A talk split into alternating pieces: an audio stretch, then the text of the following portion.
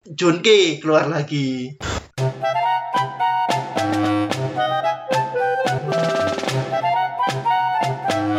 Potori, podcast history, podcast sejarah alternatif. Anda sedang mendengarkan Potori Indonesia. John K keluar lagi. Nah, si John K ini kelu- keluar gara-gara salah satu anak buahnya melakukan penyerangan di salah satu perumahan Greenlight di Tangerang, ya kan? Nah, terus dari sana uh, beberapa media ngangkat juga salah satunya asumsi.co. Nah, John K ini aku nyebutnya sih Godfather ya. Kalau yang pernah nonton filmnya Don Corleone, Michael Corleone, dia itu kalau menurutku aku mungkin nyebutnya penguasa Jakarta ya. Penguasa dun- dunia hitam Jakarta. Itu. Tapi John K itu siapa sih sebenarnya? Yang maksudnya mungkin kan banyak orang yang nggak tahu ya John K itu siapa? Apa ya kayak jadi sorotan? Apakah cuman kalau cuman sekedar orang yang melakukan kejahatan biasa kan maksudnya ya, ya banyak gitu. Iya, Tapi betul. kenapa John K ini muncul nih jadi satu nama yang oh John K jadi sesuatu yang menakutkan atau misalnya jahat atau apa segala macam. Jadi apa orang-orang kayak John Kay itu orang-orang yang apa kita tuh nyebutnya orang yang bekerja di dunia petang. Petang itu apa ya? Gelap. Gelap. Dunia gelap ya kan. Nah, kenapa si John Kay ini jadi menurutku ya jadi benar-benar Hmm. momok ya. Aku pertama kali tuh apa dengar kisahnya tuh dari dari dosenku. Hmm. Katanya dia dulu pernah Nah, itu cerita ceritainnya waktu kita lagi makan di salah satu rumah makan Padang di daerah Ampera, Jakarta Selatan. Nah, terus dia nunjuk salah satu pengadilan ya kan. Hmm. Nah, terus dia ngomong, aku pertama kali dengar nama John Kay dari sana loh. Lagi Terus? makan. Nah, terus dia tiba-tiba nyeletuk gini, tuh kamu lihat itu pengadilan Jakarta Selatan. Itu dulu John Kay sama Hercules itu apa? Gelut itu di sana tuh bunuh-bunuh orang terus wah Wah, siapa itu mas? Aku manggilnya mas kan. Oh, John Kay kamu kenal dia tuh kayak lo apa Lord lah. Dia Hmm. Godfather, dia penguasa dunia, salah satu penguasa dunia hitam Jakarta. Jadi kalau misalkan kita sebagai bahas dunia hitam kan eh, kemudian impactnya macam-macam ya Hmm. Kono- eh, konotasinya macam-macam Hmm. ya dunia kriminal bisnis pengamanan hiburan ya Hmm. mungkin bisnis narkotika bisnis penggebukan Hmm. ya bisnis preman nah mungkin kita akan nyebutnya preman ya nah sebenarnya kenapa si John Kay ini jadi benar-benar menakutkan ya dibanding orang-orang yang melakukan kejahatan lain karena track recordnya si Don menurutku. Jadi kalau misalkan teman-teman sempat baca ya kan, dia itu pertama kali masuk penjara tahun 1992 gara-gara kasus bunuh orang. Nah terus Oke. 2004 dia bunuh orang lagi. Anak buahnya jadi tersangka tapi John apa tapi John kayaknya lolos. Nah terus Agustus 2008 dia ditangkap gara-gara nganiaya nganiaya nganiaya orang namanya Charles Refra sama Jimry Refra. Nah si Ap- pas April 2010 dia terus apa terlibat bentrok, terus Februari terlibat kasus pembunuhan Tan Hari. Nah terus ada bentrok lebih apa du- November 2017 bentrok lagi dengan napi terorisme, terus pas 2019 sih bebas bersyarat. Tapi pas apa 2020 ini ditangkap polisi gara-gara kasus penyerangan di Duri Kesambi Jakarta Barat kan sama penembakan perumahan di Green Lake City Tangerang. Jadi sebenarnya kalau dilihat memang CV-nya, portofolionya emang sangar sih kalau Hmm. sebagai orang-orang dunia hitam. Nah, berkaitan dengan John Kay ini ya kan sebenarnya temanku ini El Profesor ya eh, El Profesor. ya enggak sih. Ya bisa sih, bisa bisa. Bisa El Profesor. Cuman kan El Profesor nggak sampai bunuh orang ya. Iya. Nah, dia intinya apa ya? Ya Lord lah, ya Eh, Godfather lah yang kemudian menjalankan bisnis-bisnis Mafia kejahatan. ya, Ya, ya, mafia mungkin bisa bisa jadi mafia. Ada sebenarnya si ini kan si John Kay sebenarnya sama kayak preman. Hmm. Kalau di Jogja dulu ada yang namanya Gali. hmm, Nah, ini Sama- yang dibahas sama Ah, Kevin. Gali. Nah, itu kebetulan apa si gara-gara kasus John Kay ini terkuak lagi ya kan Hmm. kan kita jadi ingin tahu kan kira-kira tuh sebenarnya si preman-preman ini tuh sebenarnya datang dari mana terus Hmm. namanya preman namanya gali itu apa Hmm, Nah, di Bandung kan kayak ada preman pensiun kan itu sebenarnya juga representasi secara nggak langsung kan dari betul. Dari John Kay lah John Kay tapi Bandung ya nggak sih? Ya bisa cuman jadi. bis- bisnisnya beda kan dia kan mengendalikan tukang copet kan kalau nggak salah kalau di preman pensiun loh ya tukang Apa, copet pasar pasar segala ya kan segala macam nah cuman si temen gue ini Kevin namanya dia kebetulan melakukan riset ya untuk salah untuk tugas akhirnya dia neliti tentang preman gali Hmm. ya kan tapi khusus untuk wilayah Yogyakarta Berarti secara nggak langsung tuh sebenarnya kayak apa ya premanisme ini tuh ada di setiap daerah nggak sih? Kan Ada. di Jakarta itu di. John K bisa mewakili Jakarta. Mm. Terus sih representasi secara halus dari preman pensiun sebenarnya juga merepresentasikan di Bandung juga kan. Mm-mm. Terus ya itu nanti mungkin akan diceritakan juga di Jogja kayak gimana. betul Nah, ah. mungkin di wilayah lain Indonesia juga ada kali ya. Betul. Nah, sebenarnya kita apa pengen Kevin cerita untuk lebih tahu sebenarnya akar dari premanisme itu gimana. Aha. Orang-orang misalkan kayak John Kay tapi di Jogja itu munculnya gimana. Nah, menariknya dia ngom- ngomong bahwa preman-preman kayak gitu sebenarnya juga ada kaitannya sama partai politik gitu. Hmm. Langsung aja kita sapa. Halo Mas Kevin. Halo, bagus. Halo, Rofi. Terima kasih Halo. kesempatan yang diberikan kepada aku. Kevin, kita Ya. mau tahu dong kenapa sih kamu tertarik neliti preman? Ini sebenarnya pertanyaan yang paling saya tunggu sih sebenarnya.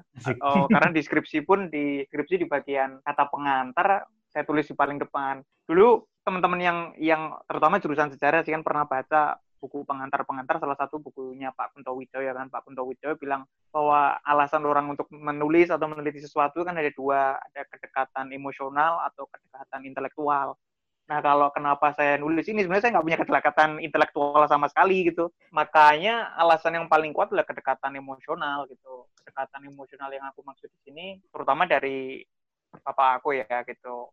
Jadi aku tumbuh besar dalam narasi dongeng-dongeng. Uh, papa aku pas muda itu aktif dalam sebuah geng, nyebutnya anak Jogja gitu mungkin teman-teman yang di Jogja ya yang segenerasi kita pasti masih tahu lah ya ada geng namanya misalnya Kisro, ada Humoris, ada Joksin, ada Mukundo. Nah, uh, bapak aku tuh salah satu anggota geng itu pas muda dan cerita bagaimana hiruk pikuknya, bagaimana hegemoninya, bagaimana ya kekacauan yang dibuat gitu mengisi masa mudanya. Terus karena saya bisa dibilang anak yang anak rumahan, aku anak rumahan gitu kan nggak nggak nggak akan nggak jadi seperti itu jadi ketika belajar di sejarah kayak menarik ya kalau aku nulis tentang pengalaman orang tuaku gitu jadi sebuah tulisan gitu itu sih alasannya dulu sebenarnya Nah, terus kamu kan nulis di situ gali ya.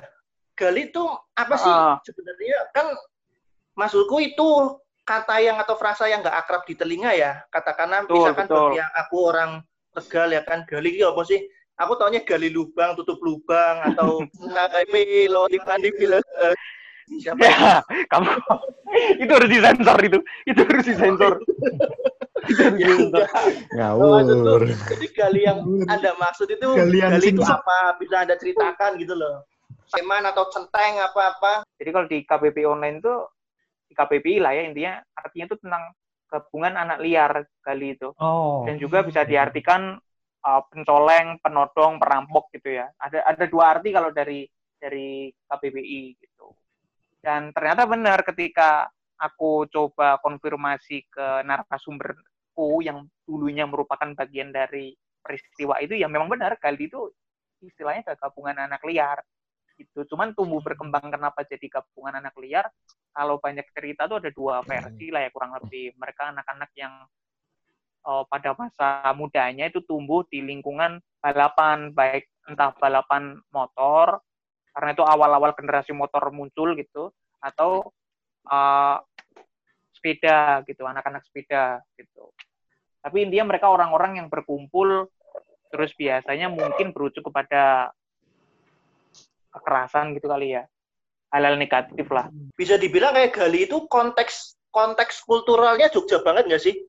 Maksudku kayak itu nggak muncul di daerah lain. ya aku rasa bisa jadi memang ini kontekstualnya sangat Jogja gitu, sangat kultural Jogja. Kalau fenomenanya sama, aku pikir sama ya karena uh, setahu aku di hasil uh, pencarian berita misalnya koran-koran koran-koran zaman itu periode itu memang tingkat kriminalitas di Indonesia tuh naik gitu bahkan uh, kalau aku lihat di statistik dari apa namanya badan apa ya badan statistik negara lah gitu ya.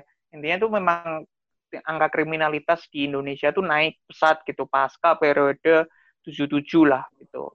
77 itu yang aku maksud adalah pemilu pertama. Ya walaupun di sini eh, nggak bisa nggak bisa bilang bahwa peristiwa politik langsung berimbas kepada sosial sosial kriminal sosial lingkup masyarakat gitu. Tapi saya rasa ada ada irisannya sih. Aku rasa ada irisannya sih pas 77 itu kriminalitas tuh naik itu maksudnya bagaimana Mas Kevin sebenarnya itu juga yang mendasari itu ya latar latar waktunya ya ah, ah yang yang yang menjadi alasan waktunya itu jadi kenapa 77 bisa naik aku bilang uh, karena kan pemilu pertama dengan tiga partai politik itu kan tahun 77 kan ya teman-teman. Itu ada Golkar, ada P3 dan juga ada PDI. Kenapa terus kriminalitas bisa naik? Sebenarnya di 77-nya um, perlahan ya gitu. Karena impact-nya sebenarnya kelihatan sangat jelas itu di tahun um, menjelang 82 atau pasca 82-nya itu sangat sangat iya. Cuman 77 memang sudah ada kenaikan yang signifikan gitu. Reasonnya jelas karena banyak orang-orang ini, para gali ini yang uh, dilibatkan dalam proses pesta demokrasi. Nah, terus imbalannya apa sih? Ya, ketika mereka dilibatkan kan seakan-akan mereka mendapatkan pengakuan atas keberadaan mereka gitu. Dan yang yang tanpa sadar juga dilakukan adalah uh, mereka mendapatkan tameng secara apa ya? Secara hukum juga mungkin ada ya, tapi dikit gitu. Maksudnya tetap ada tameng secara sosial juga bahwa mereka bisa melakukan tindakannya gitu. Setelah 82 itu ada salah satu peristiwa yang yang sama-sama kita tahu kan peristiwa Petrus namanya ya penembakan misterius hmm. gitu kan. Ya sebenarnya nggak misterius kita udah tahu siapa pelakunya gitu maksudnya. Siapa? Yang mana dari kubu mana yang ngelakuin kan kita sama-sama tahu gitu. Nggak tahu saya. Kamu nggak tahu ya? Nggak tahu. Kalau teman-teman nggak tahu sih, saya sih lebih baik juga nggak tahu daripada saya nanti hilang gitu ya. Kenapa emang? Kenapa emang? Saya mending. Kenapa nggak tahu juga? Iya, ya kita kan bapak yang teliti. Oh iya. Kayaknya pas Tolong bagian ini disensor. Iya, pas bagian ini kayaknya kehapus nih tulisan saya kayaknya. Kalau itu udah reformasi kali. Emang siapa itu? Ya kita tahu maksudnya konteksnya adalah aparat kan.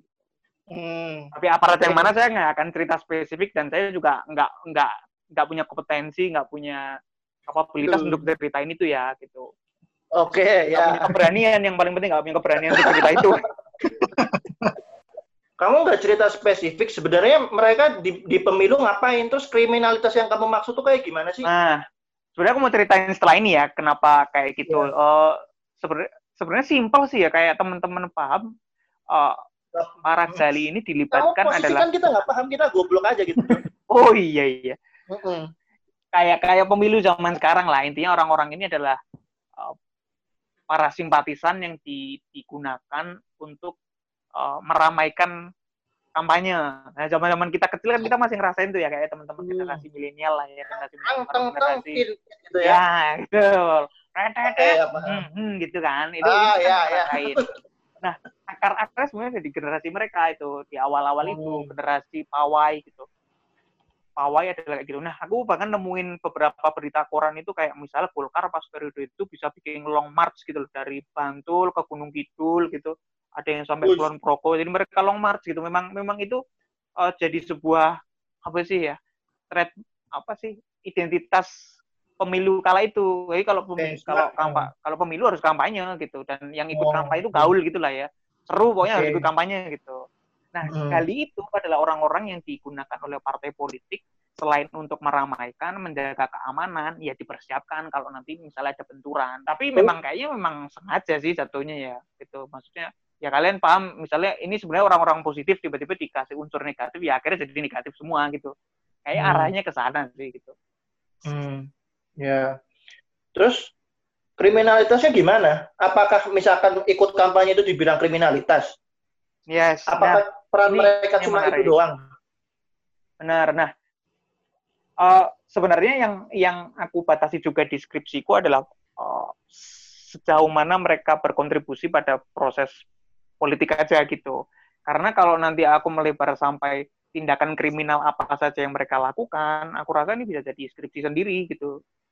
Karena sekilas saja aku tanya ke mereka ya mereka bagian besar dari perilaku-perilaku uh, kriminalitas pada umumnya sampai sekarang ya yang jadi warisan contoh misalnya jadi bodyguard contoh jadi pembunuh bayaran contoh jadi penjaga diskotik gitu contoh Hmm. disuruh untuk melukain orang gitu ya pada pada umumnya praktik tapi itu adalah generasi awal praktik itu jadi sebuah hal yang booming di Indonesia dan itu Ya, pekerjaan ya, gitu di kala di kala itu jadi Hmm. sebuah pekerjaan yang Ya. menjanjikan Uh, di setiap partai politik tiga partai politik itu punya masing-masing nama sendiri jadi buat Oke. teman-teman Hmm. kalau pengen tahu uh, di Kulkar itu ada namanya Kotikam Komando Inti Keamanan gitu nyebutnya Di mana itu?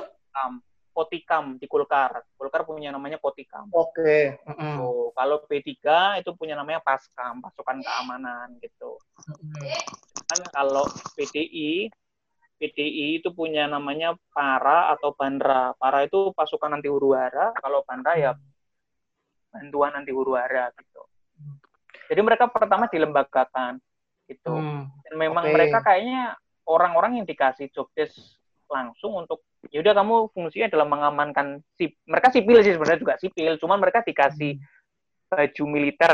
Paham kan ya teman-teman ya? Jadi kayak di baju loreng-loreng gitu. Dan narasumber yang aku wawancari kebanyakan cerita ya mas pada periode itu kayaknya pakai sipil pakai baju militer kan keren banget gitu. Kami seakan-akan jadi aparat juga. Kami punya keleluasaan untuk melakukan tindakan fisik gitu misalnya kata-kata mereka sih gitu ini aku juga nggak ah, lucu sih nyebutnya jadi di daerah namanya daerah Ngadiwinatan itu di di kota itu Ngadinatan itu ada trio yang terkenal jadi aku udah sempet sebut di awal namanya Selamat Gaplek terus ada Mhm. Wahyo sama ada Kendar gitu Siapa? dan konon kata Kendar Kendar, Kendar.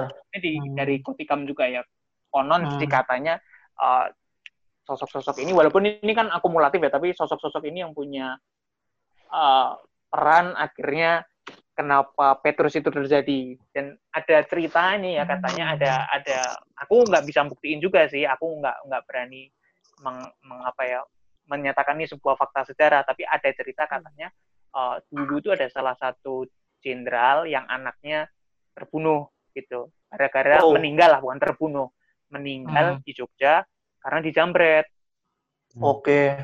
itu ya meninggal dijambret nah jenderal ini ternyata punya posisi kan gitu punya posisi Hmm. gitu dan akhirnya dia bisa menga- memengaruhi untuk mengambil tindakan udah dihabisin aja nih orang-orang ini gitu orang-orang Hmm. kali-kali ini udah dihabisin aja nah konon katanya salah satu orang yang punya peran itu adalah antara tiga orang ini atau anak buahnya tiga orang ini gitu Hmm. antara Maksudnya trio peran. Peran peran jadi untuk yang menjambret yang jambret itu yang Oh. jambret adalah itu yang jambret katanya adalah Makanya salah satu anak buahnya gitu ya ya katanya oke. ya gitu dan akhirnya perim, perim, perimpaknya perimbasnya adalah jadi jadi itu ada Petrus itu gitu. Hmm. ada banyak Berarti nama kayak banget ada kenapa berarti kayak itu nggak sih kayak habis apa manis pah dibuang bukannya mereka juga punya andil juga dalam suara Golkar ya? iya Maksudku betul nah Iya kan? Ah, ah, benar benar. Nah itu salah satu uh, yang kamu apa namanya pepatah ya? Itu apa sih namanya? Ya, pepatah. uh, yang jadi jadi salah satu judul jadi salah Oh, peribahasa peribahasa, di ya. salah satu salah satu judul di skripsiku juga. Memang habis manis pak dibuang gitu. Pada dasarnya mereka selesai.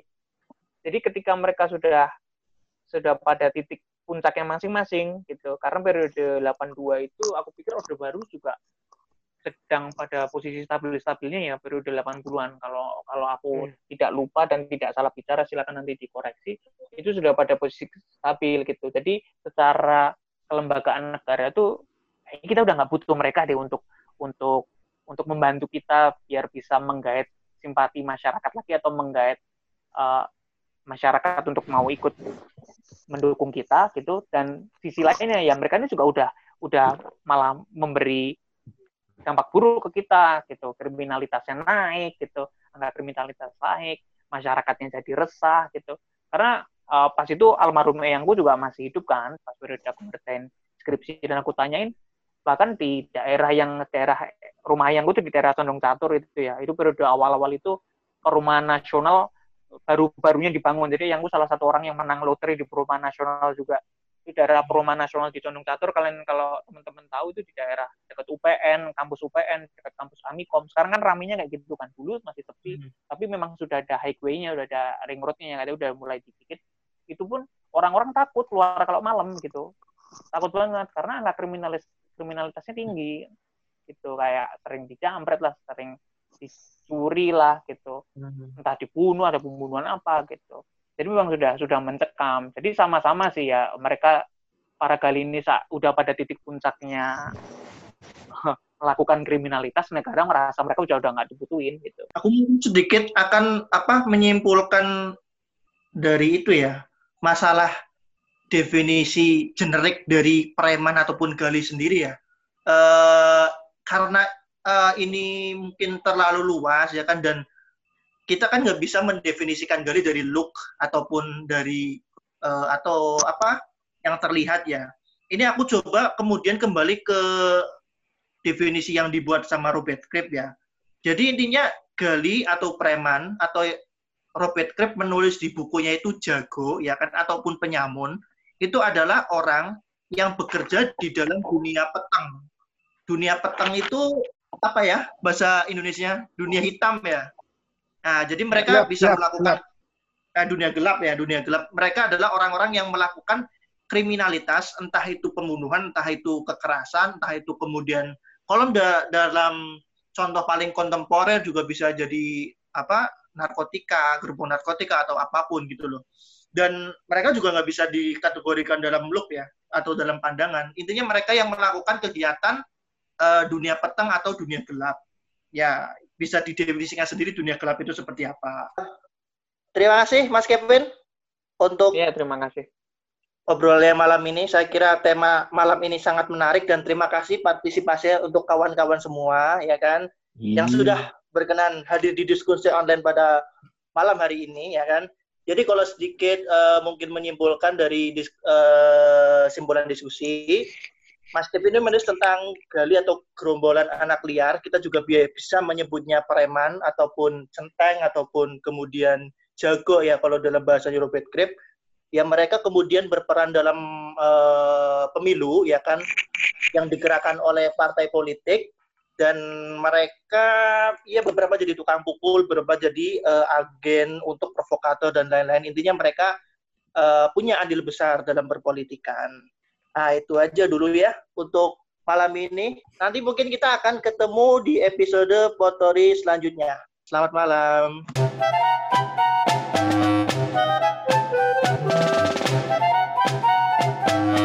Potori, podcast history, podcast sejarah alternatif.